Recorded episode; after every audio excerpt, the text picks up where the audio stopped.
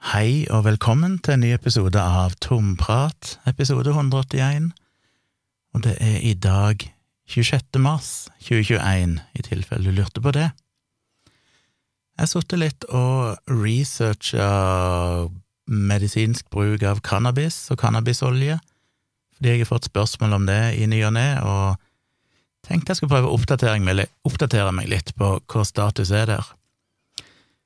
Og det er vanskelig å, å, finne ut av det. Men jeg skal snakke litt eh, om det, og så skal jeg òg si litt om et tips jeg fikk på mailen min, tompratpodkast.gmail.com. Blir veldig glad hvis dere sender inn spørsmål og tips om ting dere vil jeg skal snakke om på tompratpodkast.gmail.com, så skal jeg se om det kan være aktuelt. Og i dag har jeg altså fått et lite tips som jeg tenkte å snakke om litt seinere. Først en liten oppdatering om dagen generelt sett. Jeg eh, var trøtt i dag, for det sto opp, jobba noen timer, og så hoppet jeg jo i bilen, eller gikk jeg opp til Grorud, en halvtimes gåtur, med veldig mye oppoverbakke, så jeg var helt kake, altså dårlig kondis nå etter å ha sittet inne her på hjemmekontoret i et år. Og plukka opp en bil, møtte Tone der, hun kom fra jobb, hadde med Kyla, hunden, Uh, hadde leid en bil fra bilkollektivet, og så kjørte vi et par timer til Porsgrunn, til Telemarksporten, og der møtte vi min datter og hennes mor, min eks, og vi tok en liten kaffe, og jeg kjøpte meg en is, årets første is, som vi spiste ute, selv om det var ikke veldig varmt. Men vi satt utendørs på et sånn benk i en halvtime, et eller annet sånt, 40 minutter, og prata litt og slappa av litt, jeg trengte å slappe av litt før jeg skulle kjøre tilbake igjen og så kjørte vi hjem igjen. Og jeg var trøtt stor del av veien, jeg måtte stoppe ut og strekke meg litt, for det, jeg blir så trøtt av å kjøre bil, det er ikke, ikke bra, det der der. Men det gikk nå bra, vi kom nok tilbake igjen. Jeg kjørte hjem med Tone og dattera mi til leiligheten, og så kjørte jeg tilbake igjen til Grorud og parkerte bilen, og spaserte hjem igjen, som var litt kaldt, for det var blitt kveld, klokka var halv åtte omtrent, og jeg gikk i T-skjorte, så det var ikke så mange plussgradene ute, men det funka nå, det.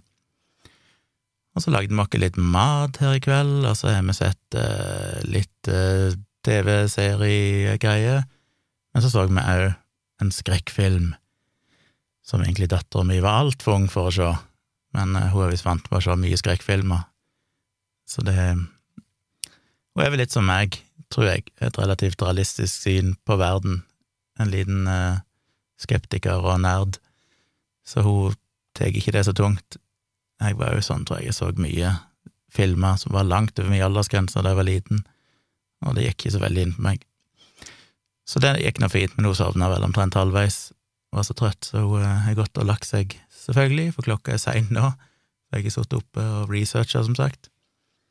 Så hun skal stå opp tidlig i morgen og ha litt hjemmeskole via Teams, og så eh, i morgen kveld så blir det jo litt kos med Skal lage taco og se en eller annen film, regner jeg med, og så skal jeg livestreame seinere på kvelden, så få gjerne med dere det, inne på Tvilsomt med Tjomli på YouTube. Men jeg livestreamer òg til Facebook, så dere kan følge meg på Saksynt inne på Facebook, altså facebook.com slash saksynt. Så streamer jeg òg til Twitch og til Twitter, så dukker opp litt mange plasser. Men sikkert sånn i elleve, kommer litt an på hvis vi ser film, kanskje blir enda seinere. Jeg får se, kanskje blir midnatt. Det kan bli seint, men eh, abonner gjerne på Tvilsomt med Kjomli eller Facebook-sida mi, så får dere en varsling når, jeg, når det nærmer seg å gå live, eller når jeg går live. Så det er det som har skjedd i dag, og det er planene for i morgen, i tillegg til at jeg skal jobbe på dagtid, selvfølgelig, en vanlig arbeidsdag. Men cannabis, medisinsk bruk Jeg eh, ble inspirert til å snakke om det igjen nå fordi jeg retweeta en artikkel ifra Skal vi se om vi finner den igjen. Nå har jeg oppe så mange faner her at det er jo ikke bare bare. Men jeg retweetet en artikkel eh, ifra The Sydney Morning Herald, som ble publisert for tre dager siden, 23. mars, som heter Medical Cannabis Blacklisted by Australian Pain Specialists. Og greia der er egentlig at eh, Amer nei, amerikanske, seg, australske helsemyndigheter, leger, eksperter på smerte anbefaler egentlig å ikke Han sa litt feil. Eh, helsemyndighetene i Australia anbefaler leger, sånn var det, å ikke forskrive medisinsk cannabis for pasienter som trenger behandling for kronisk smerte, fordi de sier det finnes rett og slett ingen solid evidens for at det er effektivt. Men de har jo skrevet ut titusenvis av sånne, og hva det sto, de hadde nettopp passert den hundretusende eh, sånn, vet ikke hva det kalles, kall det en resept. Og hva det, var, sto en eller annen plass at det var 64 000 eller sånn pasienter som gikk på den type medisiner.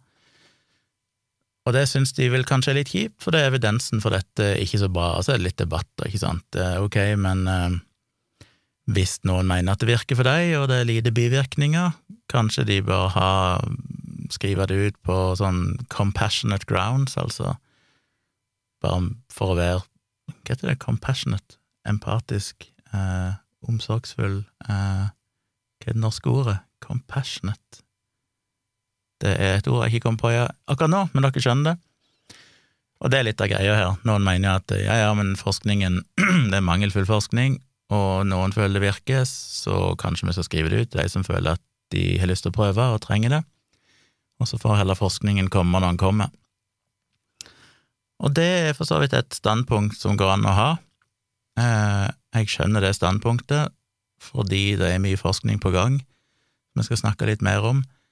Men det er jo litt problematisk. Jeg skrev jo for en del år tilbake en lang bloggpost om et stoff som heter LDN, lavdosert naltrekson, som var all the rage her for noen år siden, for det var det TV 2 eller sånn som kjørte en dokumentar om det, der det var noen MS-pasienter, tror jeg, som mente at dette stoffet, LDN, var veldig effektivt i å ja, hjelpe de med problemer, jeg husker ikke hva det var, om det var smerte og ustabilitet, eller si, eh, skjelving og sånne ting. Og så var det vel en norsk produsent, eh, pilleprodusent nede på Sørlandet en plass, mener jeg husker, som produserte disse pillene, og de fikk jo mange, mange, mange doble omsetninger i løpet av de neste månedene, fordi folk gikk jo bananas, alle skulle ha dette og gikk til legen sin og ville ha forskrevet dette, selv om det ikke er en, et medikament som egentlig skal funke med de her tingene, men da kan jo da leger forskrive det off-label, på en måte. Altså, de, de, kan forskrive det til en tilstand det egentlig ikke er godkjent eller anbefalt for, så lenge de, legen på en måte tar ansvar for det.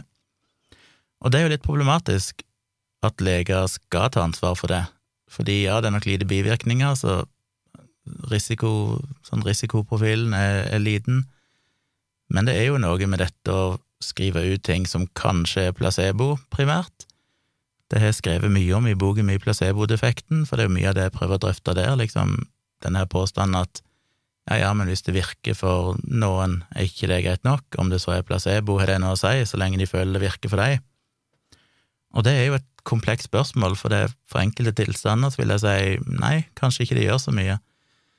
Ehm, men samtidig så er det problematisk i forhold til dette lege-pasient-forholdet, dette her med å ha den tilliten til at hvis en lege forskriver, gir deg en resept eller et eller annet på et medikament, så forventer du jo kanskje at det skal virke.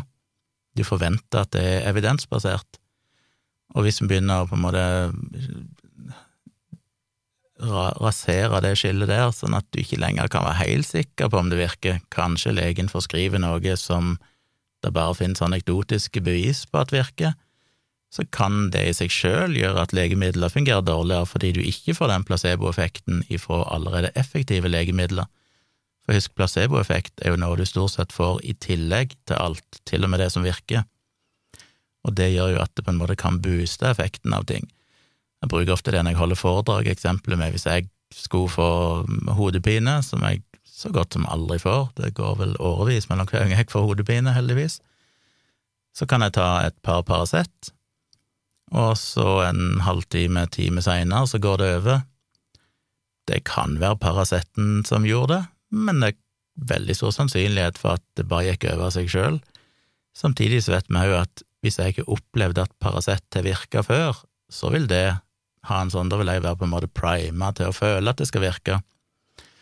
Eh, og dermed så kan mye av den effekten jeg får fra Paracet, være placeboeffekt, selv om Paracet har en dokumentert effekt. Nå vet vi jo riktignok ikke hvordan Paracet virker, som er litt fascinerende. Det går jo òg inn på det spørsmålet med eller den påstanden fra en del alternativer som sier at å, det er bare fordi legemiddel, legemiddelindustrien eller vitenskapsfolk ikke skjønner hvordan dette her virker, så avviser de det, som de ofte bruker med en del alternativ behandling.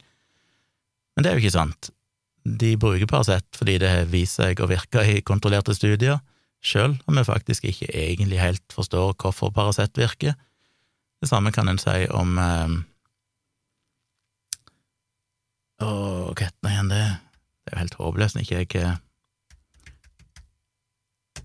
Nå må jeg ta Å, herregud, det er så dumt å ikke komme på et Et uh, Herregud. Verdens mest eh, vanlige, holdt jeg på å si, omtalte preparat. Hva er nå igjen det heter? Nå må jeg rett og slett bare bla litt her. Jeg kan jo ikke gå videre uten å Hvorfor dukker ikke Han ene søkte jeg på feil her.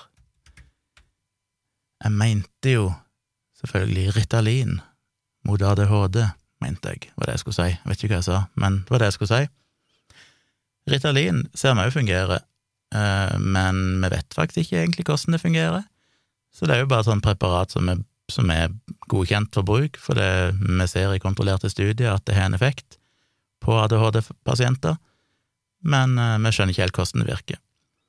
Så det er ikke noe argument. Nå har jeg allerede glemt hvorfor jeg gikk inn på den ranten, men uansett eh, Jo, det var det med LDN og placebo.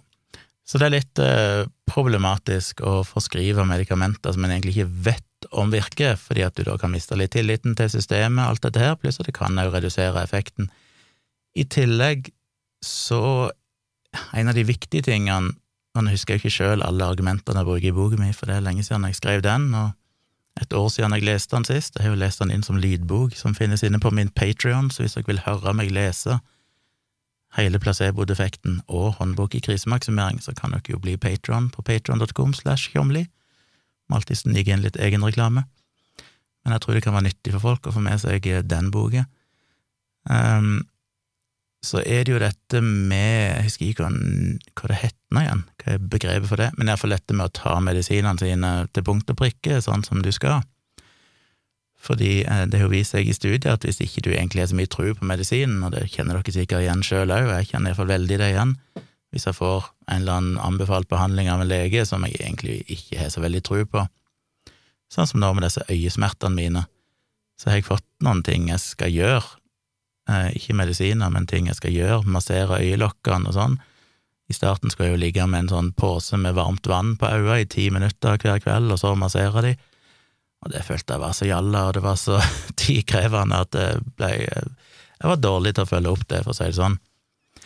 Og det er jo litt av problemet, at hvis du begynner å forskrive medikamenter som kanskje ikke virker noe særlig godt, så kan det være negativt den dagen du får et medikament som er veldig viktig å bruke Eh, og ta akkurat sånn som du blir fortalt du skal ta det. Så det, det, er veldig mye som er viktig med dette her, å opprettholde denne tilliten mellom lege og pasient, og den kan vi svekke hvis vi begynner å forskrive ting som vi tenker at ja, ja, så lenge de føler det virker, så er det vel greit nok, selv om evidensen ikke viser at det egentlig gjør det. Men over til cannabis. Jeg, det er jo mye å ta tak i der, så dette blir en veldig overfladisk gjennomgang. Um, jeg har oppfriska meg litt på å lese en del artikler som jeg ikke har lest før, og noen nye artikler, og jeg har bladd litt i denne boka som Andreas Wahl eh, Blomkvist har skrevet, som heter Ulovlig medisin, som jeg har fått eh, tilsendt to ganger, faktisk, jeg har to kopier av den. Eh, det er jo ei bok som tar for seg bruk av rusmidler og i, i gåsehud narkotika i medisinsk behandling, så han tar for seg det. Han er jo utdanna lege sjøl, og er veldig dyktig på de her tingene. Det er en veldig omfattende bok. Jeg har ikke lest hele boka ennå, men nå satt jeg og skumma gjennom kapitlet om cannabis, bare for å se litt hva han har skrevet, i tillegg til de andre artiklene. Og det viktige er jo å skille mellom ja, dette det er komplisert. det, er viktig å skille mellom at det er forskjellige virkestoffer her. Eh, denne cannabisplanten inneholder jo nesten et par hundre forskjellige cannabinoider, er det vel? og de to mest kjente er jo THC, som er den en ønsker når en skal ha en ruseffekt av eh, hasj og marihuana. Og så har du den nest mest kjente, vel, som er CBD, cannab cannabidoil Nei, hva er det heter nå igjen? Ja, cannabisolje, som det ofte blir kalt. Eh, og det er jo den, ofte, det er jo den som er liksom veldig, veldig populær for tida. Cannabisolje det er jo det store, det blir jo omsatt for milliarder i det nå til dags, så du kan bestille det online i alle mulige versjoner. Det finnes til og med puder du kan kjøpe med cannabisolje som skal gi deg bedre søvn, og masse sånn godterilignende greier, og piller, og noen vil hevde at det er medisin, andre vil hevde at det er kosttilskudd. Det er forskjellig hvordan det er regulert, det er ganske omstridt om det er lovlig eller ikke, det faller litt mellom to stoler i reguleringen i forskjellige land, så videre. I Norge er det vel teknisk sett ikke lovlig, så vidt jeg har skjønt, som nok er ganske idiotisk. Eh, du kan jo utvinne cannabisolje av både den planten som gjerne ja, te, eller hasj og ja, Hva sier det igjen? Eh, det, det, det, er jo omstridt, og det skriver jeg litt om i den boka Andreas Wahl Blomkvist liksom klassifiseringen av disse plantene, hva det egentlig som er cannabisplanten, og jeg mener hamp er jo noe som ble dyrka mye i Norge før, nå er det ikke lov å dyrke det lenger, så vidt jeg har skjønt, men du kan utvinne en del av disse tingene ifra hamp, men òg ifra denne cannabis sativa, det er det han heter, denne klassen med planter, grupper med planter, som òg har noen slektninger her og der, og hamp er vel en slags fetter av den. Så du kan utvinne cannabisolje av hamp òg, og det er liksom mer lovlig, for det er hamp ikke regulert på samme måten. Uh, og det er ikke noe Det er veldig lite THC i hamp. Og så er det omdiskutert i Norge òg, burde en tillate hamp, og burde en tillate ja, dyrking av hamp, og utvinning av cannabisolje av hamp. Og et argument jeg syns var ganske bra, som jeg leste i en artikkel, det var at det å forby det når det er snakk om det er liksom mindre enn 1% THC, som ikke gir noen ruseffekt i det hele tatt, er litt som en skulle forby kulturmelk fordi at det inneholder bitte grann etanol, eh, altså regulere det som alkohol, på å selge kulturmelk på Vinmonopolet. Det er litt samme greia. Så mye av bruken av cannabisolje handler jo om at det er nesten ingen THC i det, og derfor gir det ikke noen ruseffekt, selv om det er jo litt omdiskutert i den forstand at en av effektene til cannabisolje er at du gjerne føler litt mer avslappa og alt mulig sånn, og det kan en jo si er en slags ruseffekt, men det påpekte jo disse i den australske artikkelen, jeg synes det var litt morsomt, for de skrev jo at det finnes fryktelig mange stoffer som har disse effektene, og hvis du tar alkohol, for eksempel, så er nok det mye mer effektivt enn, enn for eksempel cannabisolje når det gjelder å berolige folk og få folk til å slappe av alt dette her. Mange som bruker alkohol til det men det er jo fortsatt ikke noe som blir anbefalt eller forskrevet av helsemyndighetene, selv om det har på en måte medisinske effekter, og selvfølgelig så er det jo en del som bruker alkohol til selvmedisinering, som er en litt uheldig bruk, kan iallfall være det hvis det blir brukt litt for omfattende. Men cannabisolje, det store spørsmålet er jo hva virker det på, altså virker det, er det, er det en, kan du bruke som medisin? Og der er jo forskningen grumsete ennå. Det en kan si med sikkerhet, er at det på ingen slags måte har den effekten som det ofte blir blåst opp til å ha av mange av disse entusiastene, cannabisentusiastene som hevder at det helbreder både kreft og alt mulig rart og virker basically mot alle tilstander mellom himmel og jord. Det gjør det ikke. Og så er det jo noen tilstander det er faktisk godkjent for. det på en måte, I Norge har vi en sånn spray som heter Sativex, som er det eneste legemiddelet i Norge som er godkjent, som inneholder ca. like mengder av cannabisolje, eller CBD, og eh, eh CBD og THC. Og det er vel forskrevet primært til MS-pasienter opprinnelig, men det kan òg gis til folk som for eksempel sliter med kroniske smerter. Og det finnes jo eksempler på det. I denne boka til Andreas Wahl Blomkvist så begynner han det kapittelet om cannabis med ei som heter Sofie Haukom, som jo faktisk kom fra min hjemkommune, som jeg sjøl, selv, ei som jeg sjøl kjenner, holdt jeg på å si. Jeg har vel knapt møtt henne, men jeg kjenner familien hennes. Hun har vel ikke bodd så mye der før i Jeg lurer på om hun bor der nå, flytta der i voksen alder. Men det var en del avisskriverier sånn om henne, fordi hun sleit med veldig kronisk smerte etter hva var det, ei bilulykke eller noe sånt. Var veldig aktiv eh, person før, både innenfor idrett og alt mulig, men så ble hun invalidisert av kroniske smerter etter ei ulykke, og det var ingenting som hjalp, og så fikk hun begynte hun med dette her, bruker cannabisprodukter, og tror det er Sativex hun bruker. Og det hjelper da hun, eneste som hjelper henne. Og det er ganske interessant, for det at eh, hvis vi ser på forskningen på bruk av cannabisolje, for eksempel, mot kroniske smerter, så som denne australske artikkelen sier, så er det egentlig ikke noe god dokumentasjon på det. Og jeg var jo litt nysgjerrig på hva Andreas Wahl Blomkvist skrev i boka si, om han var litt sånn overdreven apologet for bruk av dette, men han er jo heldigvis nøktern, han òg, og sier at eh, altså det er jo godkjent i den forstand at de mener jo evidensen er god nok til å kunne si at det hjelper, men hvis du dykker ned i den dokumentasjonen, de studiene som finnes, så er det litt mer komplisert. Og som Andreas Wahl Blomkvist sier, så ser det jo ut til at hvis du ser på effekten totalt sett, så er effekten veldig, veldig liten, mindre enn det du gjerne finner i tilsvarende metaanalyser for akupunktur, som jeg har avvist og sagt at der er effekten så liten at den mer enn kan forklares gjennom dårlig blinding og sånn i studiene, og uansett er den så liten at det er ikke noe klinisk relevant betydning. Og her snakker en da om at det er omtrent den samme effekten en finner for cannabisolje eh, mot kroniske smerter.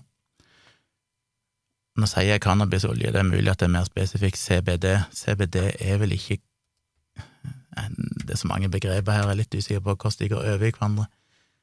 Cannabid, cannabidiol er jo CBD, men er det cannabisolje, eller kaller de det cannabisolje først når de blander det i en vegetabilsk olje?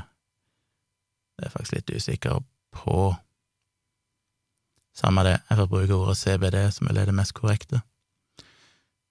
Men forskningen er grumsete, og en av de store problemene med disse studiene der de har for eksempel testa marihuana og stoffer som inneholder THC, til, til, forskjellige tilstander, som kronisk smerte, for eksempel. Eh, for det er vel godkjent for kronisk smerte, det er vel òg relativt god evidens for at eh, cannabisolje, CBD, virker mot enkelte typer epilepsi, og så er det den tredje, som egentlig er dette med kvalme og sånn i forbindelse med kreftbehandling og cellegiftbehandling og sånn. Men til og med på de tilstandene der det liksom er sagt at evidensen er der for at det er en effekt, så er evidensen relativt dårlig. Og litt av problemet er at hvis for eksempel stoffet inneholder THC, eller til og med cannabisolje, CBD, som gir en slags avslappende effekt, så er det veldig vanskelig å blinde de studiene.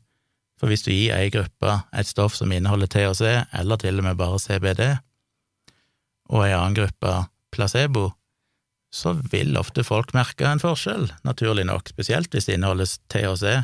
Da vil de oppleve en viss rus av dette, en avslappende effekt og alt det som hører med, og da er det vanskelig å blinde det, og da vil gjerne folk rapportere større effekt i, når de merker at det har skjedd et eller annet, de hadde en effekt på kroppen, selv om det ikke nødvendigvis påvirker smerten, så merker de jo at her er det et eller annet aktivt stoff og det er jo litt av Det negerer jo hensikten med en placebokontrollert studie, for du skal jo ikke vite hva du får, fordi at det at du vet om du får ekte stoff eller placebo, er nok til å påvirke effekten. Eh, for da er det jo gjerne kan det like godt være en placeboeffekt du opplever, og ikke en reell effekt ifra det medikamentet du får. Og det er det som ofte er svakheten i mange av disse studiene. Når du går inn og, og kikker på dem, så er, er det et problem. Et annet problem er jo at uh, selv om de sier at det er evidens for effekt, så er den evidens, eller så er den effekten ofte ganske varierende. Noen opplever stor effekt, noen opplever bare liten effekt, og mange opplever ingenting. Og derfor, så, som Andreas Wahl Blomkvist òg skriver i boka si, i tilfelle jeg ikke sa det tydelig nok, så heter den Ulovlig medisin, så stikk gjerne ut og kjøp den, eller leie den på biblioteket hvis det er mulig. Hvis dere er nysgjerrig på dette, så får dere en grundig gjennomgang av alle disse tingene. Men problemet er at eh, når du altså ser når jeg sa at det var en liten effekt på kroniske smerter, for eksempel, så kan det være at det er noen pasienter som opplever en veldig stor effekt, og mange opplever liten eller ingen effekt, og derfor i snitt så blir det en liten effekt, men det kan jo fortsatt bety at enkelte få har stor effekt av det. Men det er vanskelig å, å vite igjen, da, om det er bare at dette er pasienter som har, responderer mer på placebo, fordi hvis en hadde erstatta cannabis med homopati i alle disse studiene, som blant annet Andreas Blomkvist trekker fram, så ville en jo egentlig sett det samme. Det, I kontrollerte studier så finner en ingen effekt. Ja, homopati er kanskje dårlig å bruke, for det er så ekstremt idiotisk. Men akupunktur, da, som iallfall har en plausibel virkningsmåte, du stikker nåle i kroppen, det er ikke urimelig å tenke at det kunne hatt en effekt. Eh, men der òg, eh, hva skal jeg si, er effekten så liten. Eh, ja, hvis du hadde satt av cannabis med akupunktur og brukt samme argumentasjon, så kunne de jo sagt at ja, men akupunktur har jo stor effekt hos noen, selv om det i snitt ser ut til å ha liten effekt. Men da er jo spørsmålet ja, men ikke det er bare at noen responderer mer på placebo, og som jeg skriver om i placebo-defekten, så er det ganske stor forskjell i hvordan mennesker reagerer på placebo. Og som, som jeg også skriver i boka, så kan ha, det ha rent sånn hjernekjemiske årsaker, som en har begynt å se litt på, eh, der en ser forskjell på folk, og si, kjemikaliene i hjernen, i hvor stor grad du responderer på placebo og sånn, der en ofte ser at folk som er litt mer religiøse og alternative, faktisk òg responderer mer på placeboeffekt enn det er folk som er sånne sure skeptikere og ateister som meg, som nok òg da gjerne responderer mindre på placeboeffekt, rett og slett fordi vi har en litt forskjellig kjemi i hjernen.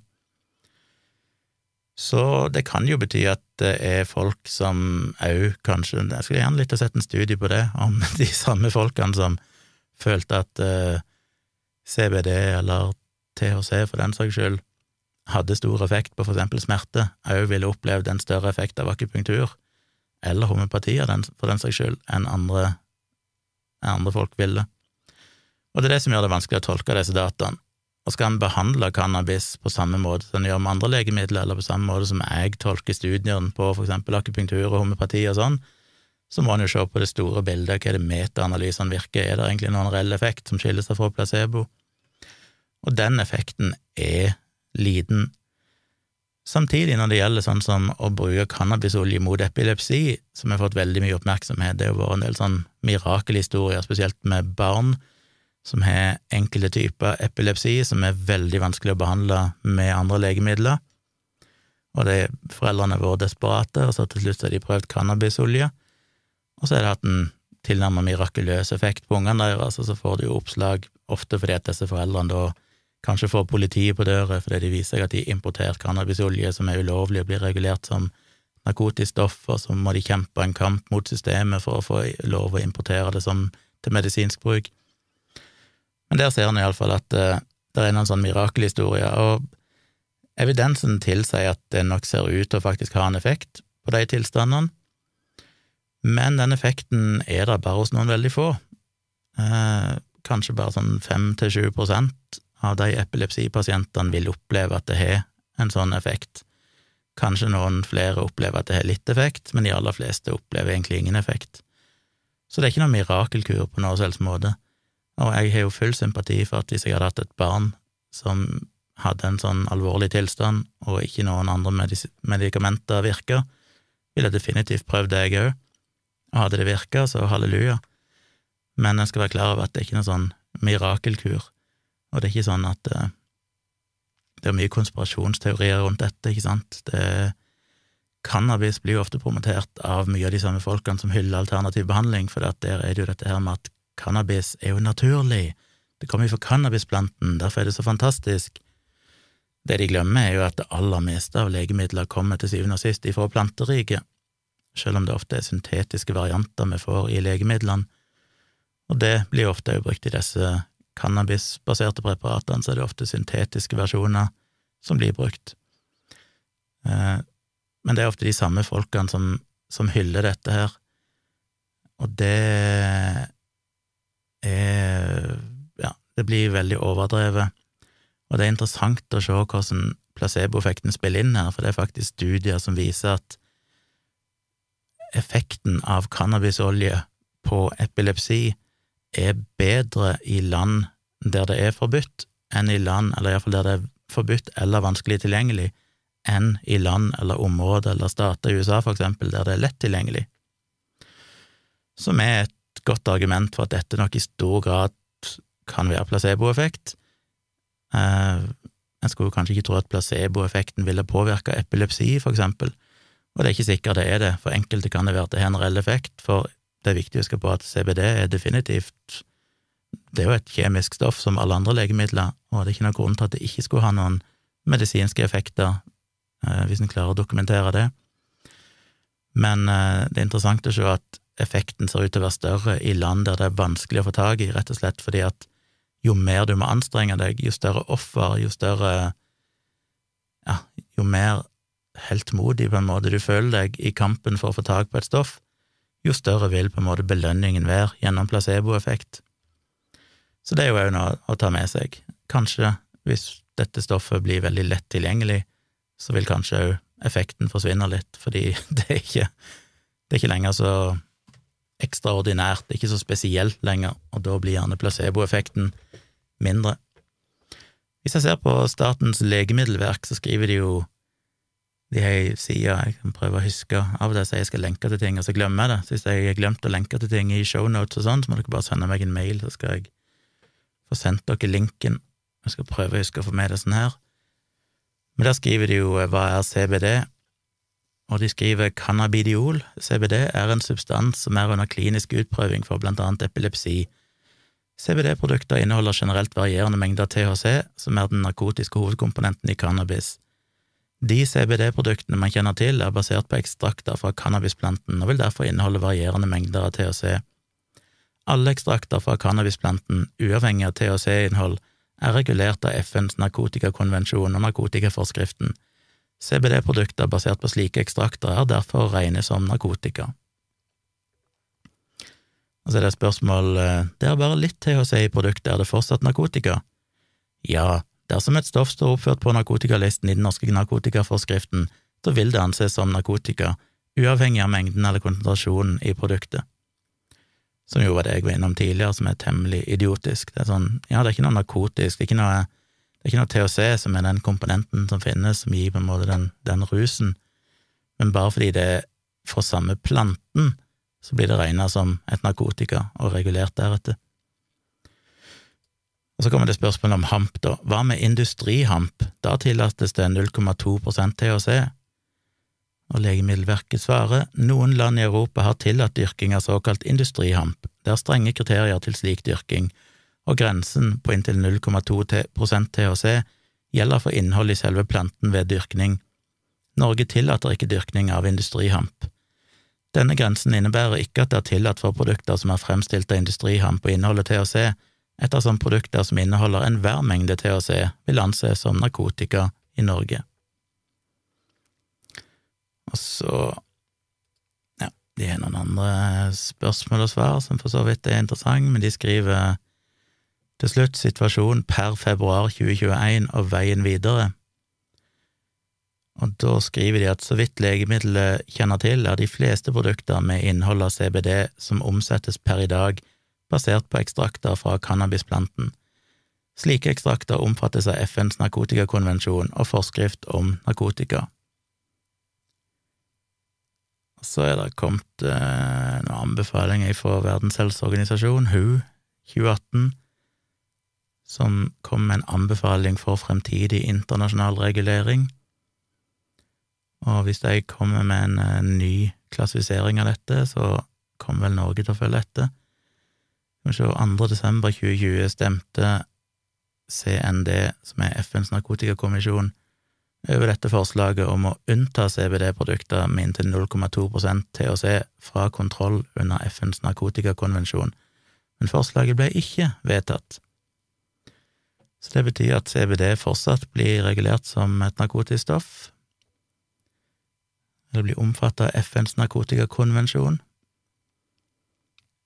Legemiddelverket kjenner også til at det den 19. november i år, altså 2020 regner jeg med det er, kom en EU-domstolsavgjørelse vedrørende CBD i e-sigaretter. Ja. Så Helse- og omsorgsdepartementet har bedt Legemiddelverket vurdere betydningen av avgjørelsene i CND og EU-domstolen og konsekvenser for norsk narkotikaregelverk og praksis. Saken ligger nå til vurdering i departementet. Så det er status i dag. Foreløpig er det fortsatt regulert som narkotisk stoff, og dermed er det ulovlig å importere alt mulig sånn og bruke. Med mindre rusreformen blir vedtatt, så skjer det kanskje noen endringer der. Men eh, det kan endre seg i framtida, og det virker jo veldig absurd at ikke det skal være lovlig, når det ikke er et rusmiddel i den forstand, og du kan snakke om mange andre matvarer som inneholder små mengder alkohol, som ikke allikevel blir regulert og selges på Vinmonopolet. Så det er, er greia. Men så er det jo cannabis mer generelt sett, og evidensen er ganske liten. Eh, og det er jo en del bivirkninger som er problematiske. Og hvis en går gjennom nå, er det noen gode artikler her Jeg går på altfor mange faner her, så jeg klarer ikke å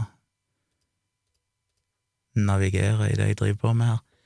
Men hvis en ser på effekten på kronisk smerte, som sagt, og nå snakker jeg både om å røyke marihuana eller å innta stoffet, som for eksempel eh, CBD, så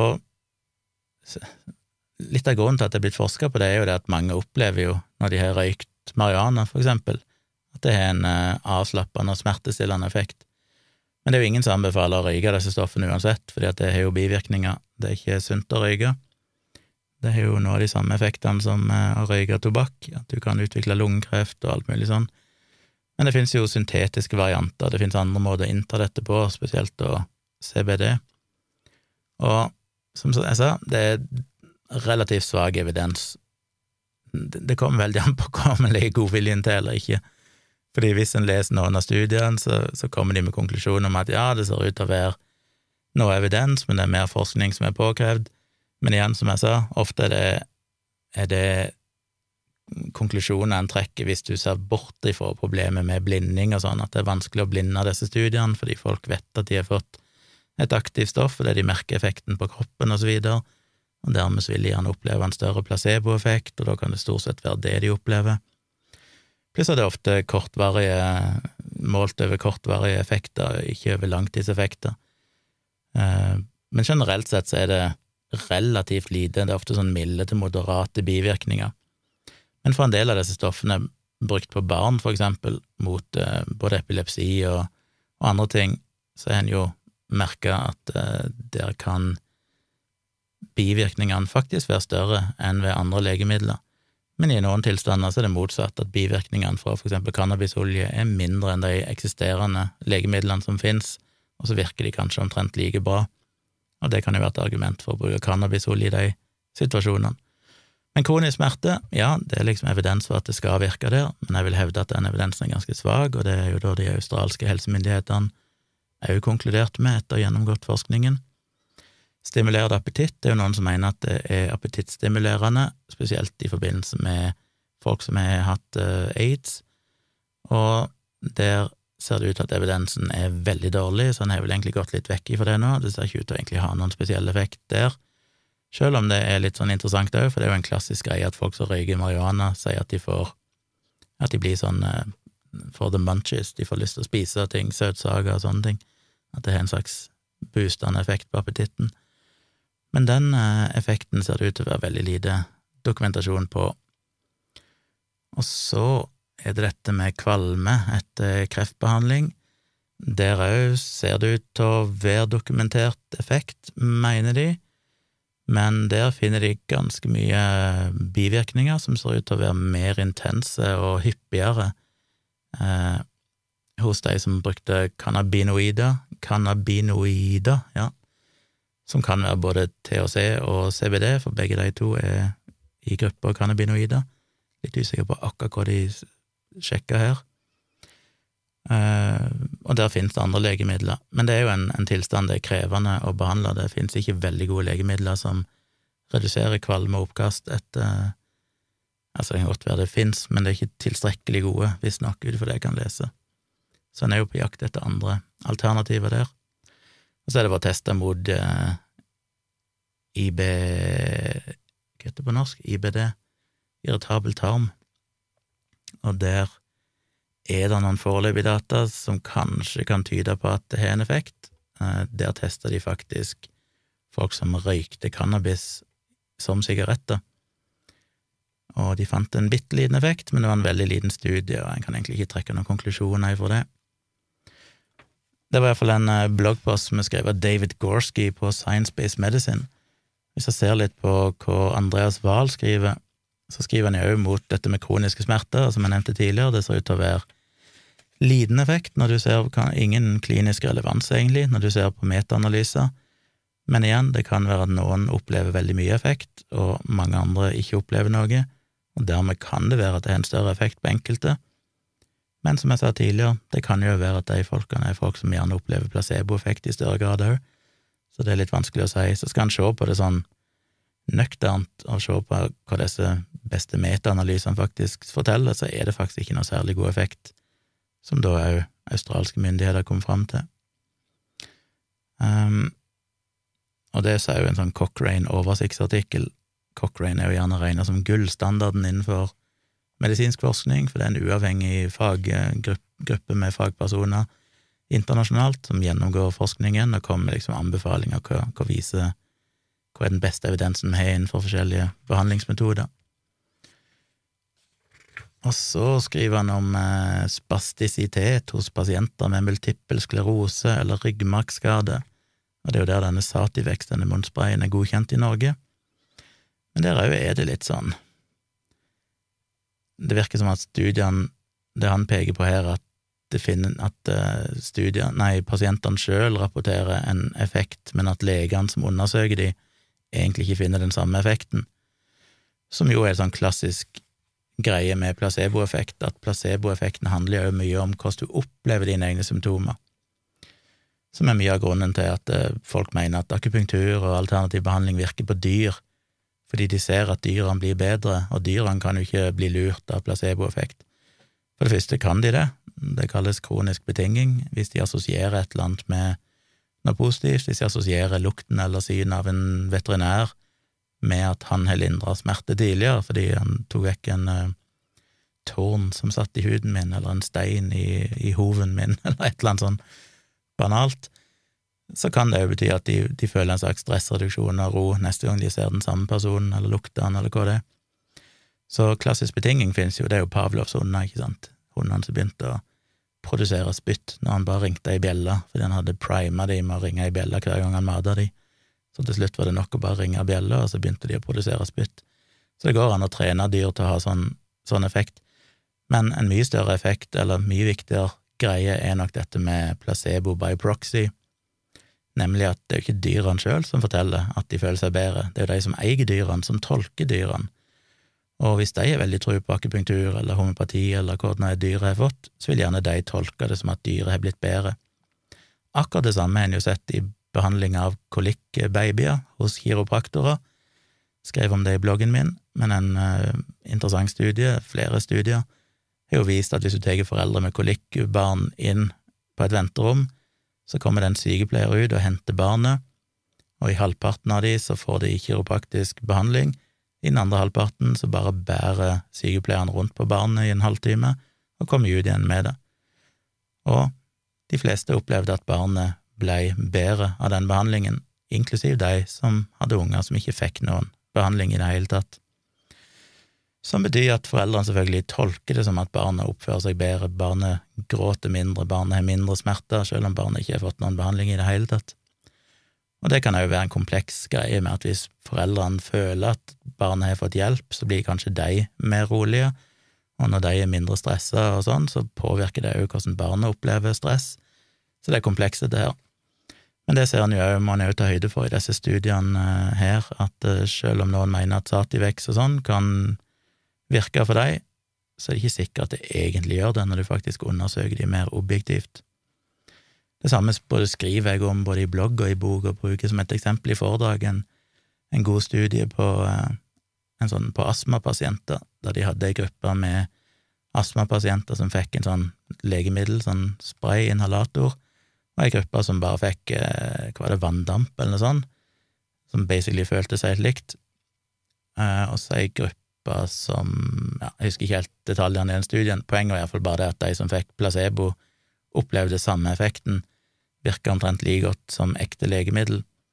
Men når de undersøkte pasientene og testa den faktiske lungekapasiteten i sånn pussetest, så fant de jo selvfølgelig at den placeboen ikke hadde noen effekt. Så det betyr at astmapasientene følte at det hjalp de, men når du undersøkte de etter objektive kriterier, så så du at det hadde jo faktisk ingen effekt. Så det er jo en stor komponent i placebo, det er bare at du opplever dine egne symptomer, opplever din egen tilstand på en annen måte enn det som kanskje er tilfellet. Han ser jo på dette med kvalme og oppkast ved cellegiftbehandling, og konkluderer vel med at eh, ja, effekten var omtrent lik, som jeg sa, med de samme med legemidler som finnes på markedet, men eh, det vet jeg ikke om han skriver her, men som jeg sa i den i stad, så ser det ut til å være noe mer bivirkninger av det, så det er ikke nødvendigvis en god ting. Og så er det dette med epilepsi, og der påpeker han òg at eh, det ser ut til å kunne virke mot et par disse sjeldne epileptistilstandene som heter Lennox-Gastauts syndrom og Dravets syndrom, som er veldig vanskelig å behandle. Så det virker, ser ut til å virke godt i noen veldig få, men hos veldig mange så har det egentlig enten begrensa effekt eller ingen effekt. Så det er jo ikke noe mirakelkur.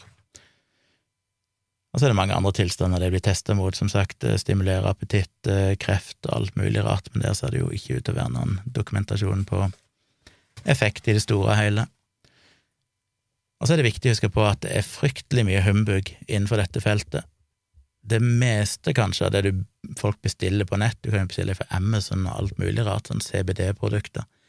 Når disse blir undersøkt, så viser det seg jo at de, de fleste av de så er det jo gjerne mye, mye mindre CBD enn det som er oppgitt på etiketten, og det en òg finner, er at i disse studiene der en har funnet en effekt av cannabisolje, så bruker de veldig mye høyere doser enn det du har sjanse å få når du kjøper det, kjøper det over nettet og sånn. Så når folk føler at det virker for dem når de har kjøpt et eller annet jalla greie på Amazon eller fra en eller annen nett, shady nettbutikk med cannabisolje, så er det nok primært placeboeffekt, kanskje 100 omtrent, fordi at det er altfor lite av det til at det ville hatt noen medisinsk effekt og ofte så er det ikke engang så mye som de er oppgitt på etiketten. I mange tilfeller så er det ingen CBD i det, det er bare humbug, men folk opplever sikkert at det hjelper likevel, for det er jo basically et placebo du da betaler for. Og så er det jo problemet med at det er mye juks med at de kanskje spiker disse produktene med andre legemidler for å gi deg en effekt, eh, men det er ikke det du egentlig tror, og det er ikke det som står på etiketten, og det er jo forferdelig farlig. Og generelt sett så er det problematisk med med CBD og sikkert UTHC, THC, men spesielt CBD. Jeg leser om at det òg påvirker andre medikamenter i stor grad. Så hvis du går på medisiner, så bør du ikke bruke det uten å snakke med en lege og funnet ut om det kan være noen, eh, noen effekt der. Altså det kan påvirke medisiner, redusere effekten deres eller styrke det sånn at det blir farlig.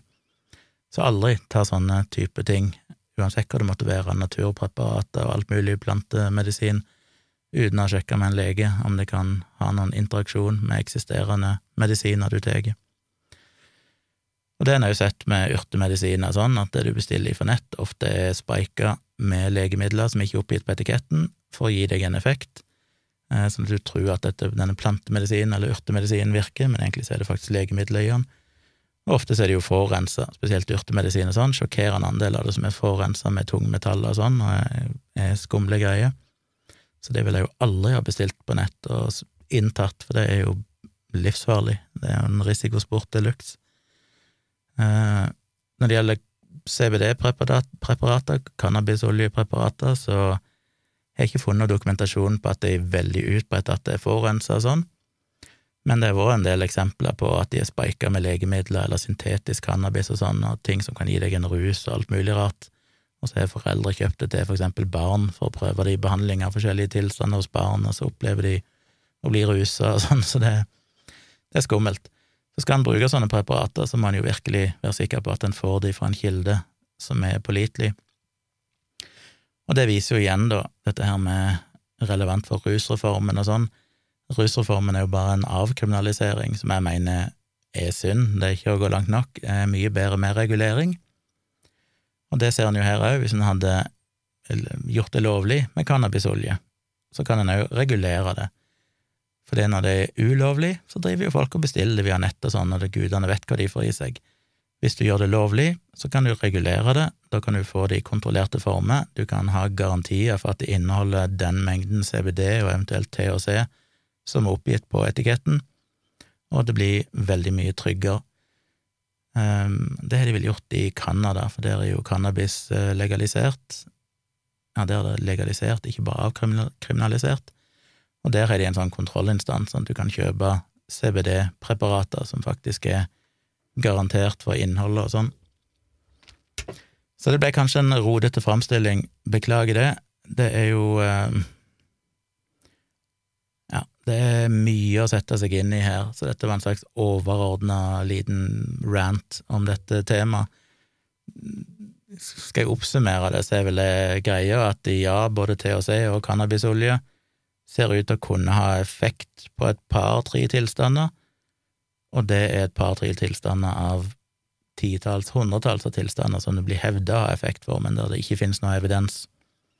Så det har kanskje effekt på et par-tre ting, men til og med den effekten er relativt svak og dårlig. Så det er jo noe som en kan eh, anbefale til enkelte pasienter, men husk at det finnes som regel andre legemidler som ofte kan ha bedre effekt, som en gjerne da bør prøve først. Og så er det først hvis de ikke virker, at det kan være en sånn fallback, at ok, la ikke prøve det, da, siden ikke det finnes noe annet. Men der òg er jo effekten relativt liten hos de fleste, kanskje, men så kan du være en av de heldige som faktisk har en effekt av det, i den grad det er en reell effekt, og ikke bare en placeboeffekt, det er vanskelig å si foreløpig. Men det er mye forskning. Eh, som Andreas Wahl Blomkvist skriver, så er det ikke helt sant det folk gjerne bruker som argument med at eh, det blir jo ikke forska på dette, for det legemiddelindustrien er redd for at det er en plante, og bla, bla, bla. I realiteten så er det blitt forska på siden 70-tallet, og det blir publisert tusenvis av studier hvert år på disse stoffene, så det burde sikkert vært forska enda mer på det. Men eh, det er ikke sånn at det ikke er noe forskning. Så jeg tror nok vi vil vite en del mer om en eh, fem-ti år. Da, det er nok mye forskning på gang nå, fordi at det er blitt veldig populært, og cannabis eh, begynner å bli legalisert rundt forbi, og plutselig så er det mer aktuelt å kunne tilby dette uten noen store problemer med å få det godkjent og sånne ting. Så jeg tror nok vi vet mye mer om en fem til ti år.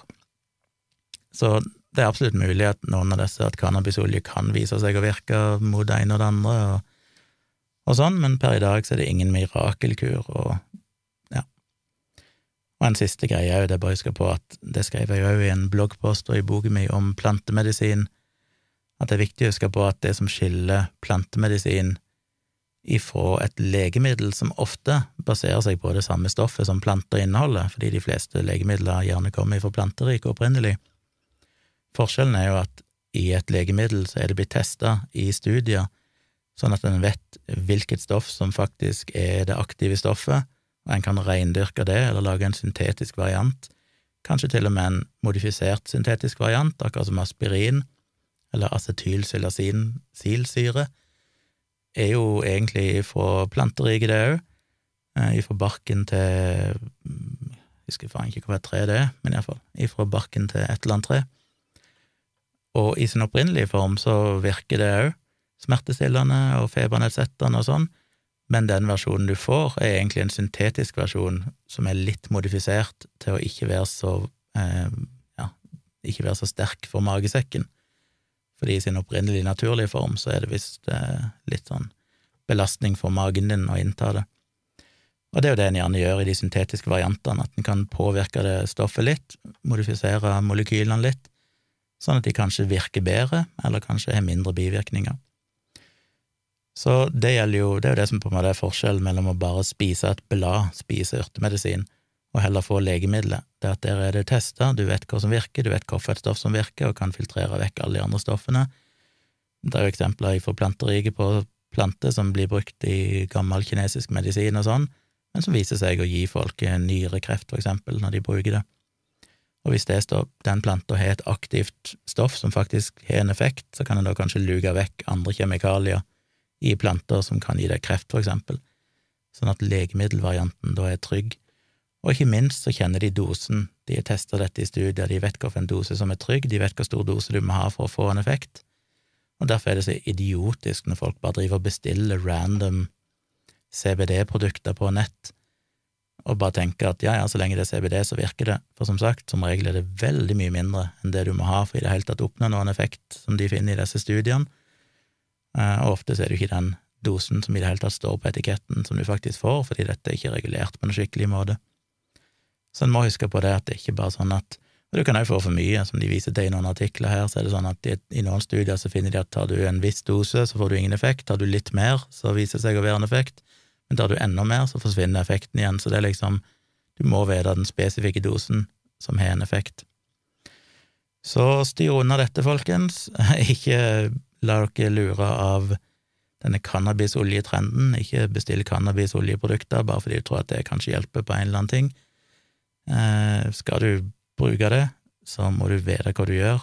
Du må sette deg inn i det, se på forskningen, og i så fall få de fra troverdige kilder og teknisk sett i Norge så er det jo ikke lov å importere heller, så du har jo egentlig ikke noe valg, med mindre du får en spesiell godkjenning gjennom å søke om tillatelse til dette og snakke med legen din og så videre.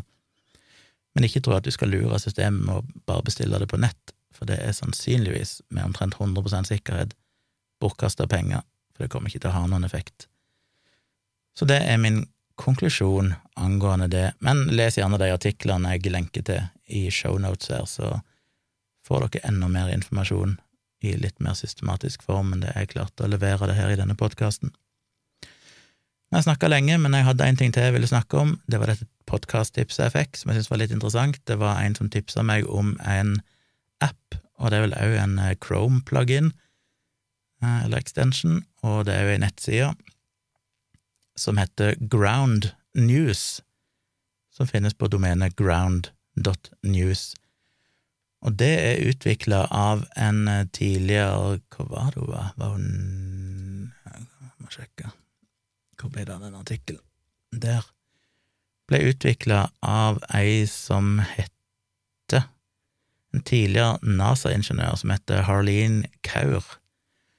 Hun var så lei av at folk gjerne havner i sånn ekkokammer og stort sett bare leser nyheter fra sitt uh, si side av det politiske spektrum og ville prøve å løse dette, ville på en måte motvirke disse algoritmene til Google og Facebook og sånn, at leser du mye venstrevridde nyheter, så er det gjerne det du får mer anbefalt av, og flere søketreff på, og tilsvarende er du høyrevridd, og så videre. Så eh, har laga et nettsted og en app og sånn som heter, ikke bare hun, da, men hun starta et firma som gjør det, som heter ground.news, og de har en sånn liten bias checker som var litt interessant. Der kan du sjekke en Twitter-konto, og så kan du se hvorfor hvor de på en måte interagerer, eller hvor de konsumerer mest nyheter ifra. Han som sendte meg denne, dette tipset, Marius, han hadde sjekka Fredrik Gresvik, som visstnok lå 100% til venstre, som er ganske ekstremt. Sean Hannedy, han er 100 til høyre. Så han har sjekka Dag Sørås, som ligger 84% til venstre, 8% sentrum og 8% høyre. Det overrasker meg litt. 84% venstre på Dag. Han er mer eh, venstreradikal enn det han liker å innrømme. Så måtte jeg jo sjekke meg sjøl, og det var litt interessant at han han eh, Marius Nei, det står Marius i mailadressen, men i signaturen så står det Martin. Merkverdig. Marius eller Martin, som er sendt med denne mailen. Han sjekka ikke meg, eller kanskje han har gjort det, men ikke skrev det, men jeg sjekka jo meg, Civix, på Twitter, og jeg fikk at jeg var 59% til venstre og 41% i sentrum. Så uh, jeg er uh, eh, 59% of the news Civics interacts with on Twitter leans left. Så i sin blindspot analysis så sier de at jeg kanskje har en blindspot mot høyresida. Og det er sikkert sant, jeg leser nok ikke veldig mye høyrevridde nyhetskilder, men det at jeg er omtrent eh, ja, 59% venstre og 41 sentrum, er jo ikke så ille, syns jeg. Jeg får iallfall med meg to tredjedeler av spekteret. men det er jo kun på Twitter. Jeg har jo i RSS-feeden min og sånn, så har jeg definitivt noen kilder som jeg opplever som Nei, det er kanskje feil å si at de er høyrevridde, men noen som iallfall er mer de er kanskje mer sentrum, de òg. Eh, ting som er rangert som direkte høyrevridde, det er nok Nei, det er nok kanskje sant, det. Det er ikke mye jeg interagerer eller konsumerer bevisst av den type nyhetsstoff.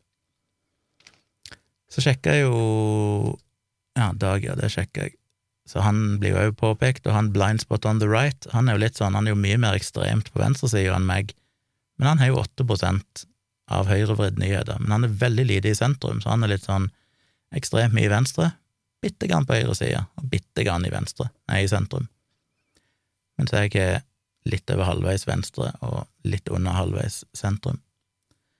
Det står jo at eh, Dag sine topp eh, top tre eh, news influencers, og der er jo Doug Stanhope på topp. Jeg har en sånn liten følelse at denne her eh, Ground News-sjekkeren sjekker veldig lite, fordi han kommer usedvanlig fort. Når du skriver inn navnet på en eh, Twitter-konto, så er det boom, så er svaret der med en gang. Så jeg vil tippe han bare analyserer de siste x antall likes som du har gitt, sånn at han får et ganske begrensa utvalg. Jeg tror at han pløyd lenger bak i historikken, fått et litt større utvalg av det du har interagert med, så tror jeg nok han hadde brukt noen sekunder lenger til å analysere, og kanskje fått et litt mer representativt utvalg. Men jeg finner ikke noe informasjon her om eh, akkurat hva han sjekker, la meg se. Uh, ja, det er sånn sider som sier litt om hva denne blindspot-sjekkeren Hvordan han virker, på en måte, men jeg kan ikke se at han Jo, der står det. Han sjekker de siste 3200 tweetsene dine. Ja, så sjekker han det mot 2063 forskjellige nyhetskilder som de har på en måte rata på en sånn bias rating, om det er høyre eller venstre eller sentrum. Så han ser eh, Han ranker det etter Hvis du er tweeta det, så får det sikkert mye vekt i analysen. Hvis du har retweeta det, så får det litt mindre vekt. Hvis du har sitert det, så får det enda mindre vekt. Og hvis du har svart, så får det Nei, nå sier jeg litt feil. Hvis du har lika det, så er det, så det ranka til én. Hvis du har tweeta det, så er det to, altså dobbelt så mye vekt. Hvis du har retweeta, så er det 1,5. Hvis du har quota det, så er det 1,45, så det blir omtrent det samme som retweeter. Og hvis du har replied, altså svart på en tweet fra en sånn nyhetskilde, eller noen som har delt en sånn nyhetskilde, så blir det ranka til 1,85. Så det å tweete noe har mest effekt, og det å retweete eller svare på det har nest mest effekt, og hvis du bare har lika det, så teller det bare som én. Så det er sånn de ser på det. 3200 siste tweets, og det er jo mer enn jeg trodde, og de analyserer det overraskende kjapt. Men det er klart, av de 3200 siste tweetsene mine, så er det jo veldig mange av de, de aller fleste, inneholder jo ikke noe link og ikke noe svar på en artikkel og sånn, så til og med i 3200 tweets er det jo sånn sett litt begrensa hva de får med seg, selv om det er mer enn jeg trodde. Så det er vanskelig å si hvor pålitelig denne her er. Det er klart, uh, Dette avhenger selvfølgelig av hvordan de har rata biasen på de nyhetsartiklene, eller nyhetskildene de sjekker deg mot. Uh, men jeg vil anta at det er sånn noenlunde on the spot. Det er som regel ganske tydelig om ting er på høyre- eller venstresida eller sentrum. Så du kan altså teste det på denne her uh, sjekkefunksjonen som jeg skal lenke til. Du kan òg installere det som en Chrome-plugin. Mulig det finnes andre nettlesere, det er ikke sjekka. Um, og da vil jeg anta, jeg har ikke testa det sjøl, men jeg vil da anta at når du er inne på en nyhetskilde, hvis den finnes i deres database, så vil du få en liten indikasjon på om denne nettsida her er liksom høyrevridd eller venstrevridd og sånn. Og så kan du òg gå inn og bruke selve ground.news som en slags startside eller nyhetskilde, som en nettavis, for målet der er jo på en måte å gi et balansert inntrykk. Så de skal liksom unngå det sånn her Eh, algoritmene og sånn. Så hvis jeg går inn på her, så kan du velge forskjellige tema og sånn. Hvis jeg velger AstraZeneca, så får jeg opp artikler fra forskjellige nyhetskilder, og der er det en sånn liten graf som viser hvor venstre- og høyrevridd eller sentrumsbasert det er. Her er det for eksempel en artikkel ifra eh, Ja, hvor er den ifra? Det er vanskelig å finne ut hvor kilden var her. TASS Er det en eller annen russisk nettavis? Og den blir rata som 100 på høyresida. Men så er jeg en annen artikkel i AstraZeneca som er NDTV, som blir rata som 46% venstre, 27% sentrum, 27% høyre. Ja, så du ser på en måte litt hvor de står hen. Så prøver han å gi deg alle ting, da, sånn at ikke du bare skal få artikler fra én side av det politiske spektrum. Så hvis du går inn på et tema, så får du litt ifra alle. Og så kan du velge å rate, eller å sortere de på forskjellige måter, eh, enten etter sånn bias, politisk bias eller andre kriterier. Så kan du òg betale for å subscribe, da får du litt andre muligheter, da kan du for eksempel følge forskjellige temaer og sånne ting, som ikke du kan ellers. Men interessant prosjekt, eh, sjekk gjerne ut det, se hva dere, hva dere, dere er på Twitter, har en Twitter-konto, sjekk ut hva dere havner hen, kanskje du blir overraska, kanskje du får akkurat det svaret du hadde forventa. Jeg fikk vel sånn noenlunde det svaret jeg hadde forventa. Jeg tenker vel det er relativt representativt. Jeg var litt mer overrasket over Dag, at han var så ekstremt mye mer venstre, konsumerte så mye mer venstrevridde nyheter enn meg. Jeg må sjekke noen andre òg her seinere, for moro skyld. Men ja, ground.news. Jeg har ikke researcha det nok, jeg har lest et par artikler om det. Jeg har ikke funnet noe som er veldig kritisk. Folk, det er stort bare sånn informative artikler som forteller hva det er for noe, og litt om bakgrunnen og sånn så jeg kan ikke gi noen garanti for hvor korrekt det er, men det virker nå til å være relativt fornuftig lagt opp, så vidt jeg kan se. Så det kan dere sjekke ut. Da har jeg vel eh, ah, Shit. Sitter igjen med en følelse at jeg gjorde en skikkelig dårlig jobb når jeg skulle presentere cannabis og sånn, fordi det ble så mye og rodete. Men jeg håper dere fikk noe ut av det. Eh, hvis dere trenger mer informasjon, hvis det er noe dere stusser på, Send meg gjerne mail på tompratpodkast.gmail.com, så skal jeg prøve å være mer spesifikk hvis det er sånne mer konkrete, spesifikke ting jeg kanskje forklarte dårlig eller ikke var innom i det hele tatt, og kanskje burde sagt noe mer om. Tar gjerne imot spørsmål, så eh, kanskje jeg kan oppklare det seinere. Så da, etter den lengste episoden jeg har hatt så langt, tror jeg, så vil jeg bare takke for meg. Håper dere dukker opp i livestreamen min eh, fredag kveld, i kveld altså, seinere i dag. Og så eh, høres vi igjen over helga. Og husk, gå gjerne inn på iTunes og alle andre plasser dere kan, og gi meg fem stjerner. Del podkasten, tips andre om den. Jeg vil være, veldig gjerne nå ut til flere og få litt gode ratings og hyggelige kommentarer, for det hjelper jo på spredningen og synligheten. Så det setter jeg pris på, hvis dere gjør det. Takk på forhånd. Så høres vi igjen over helga.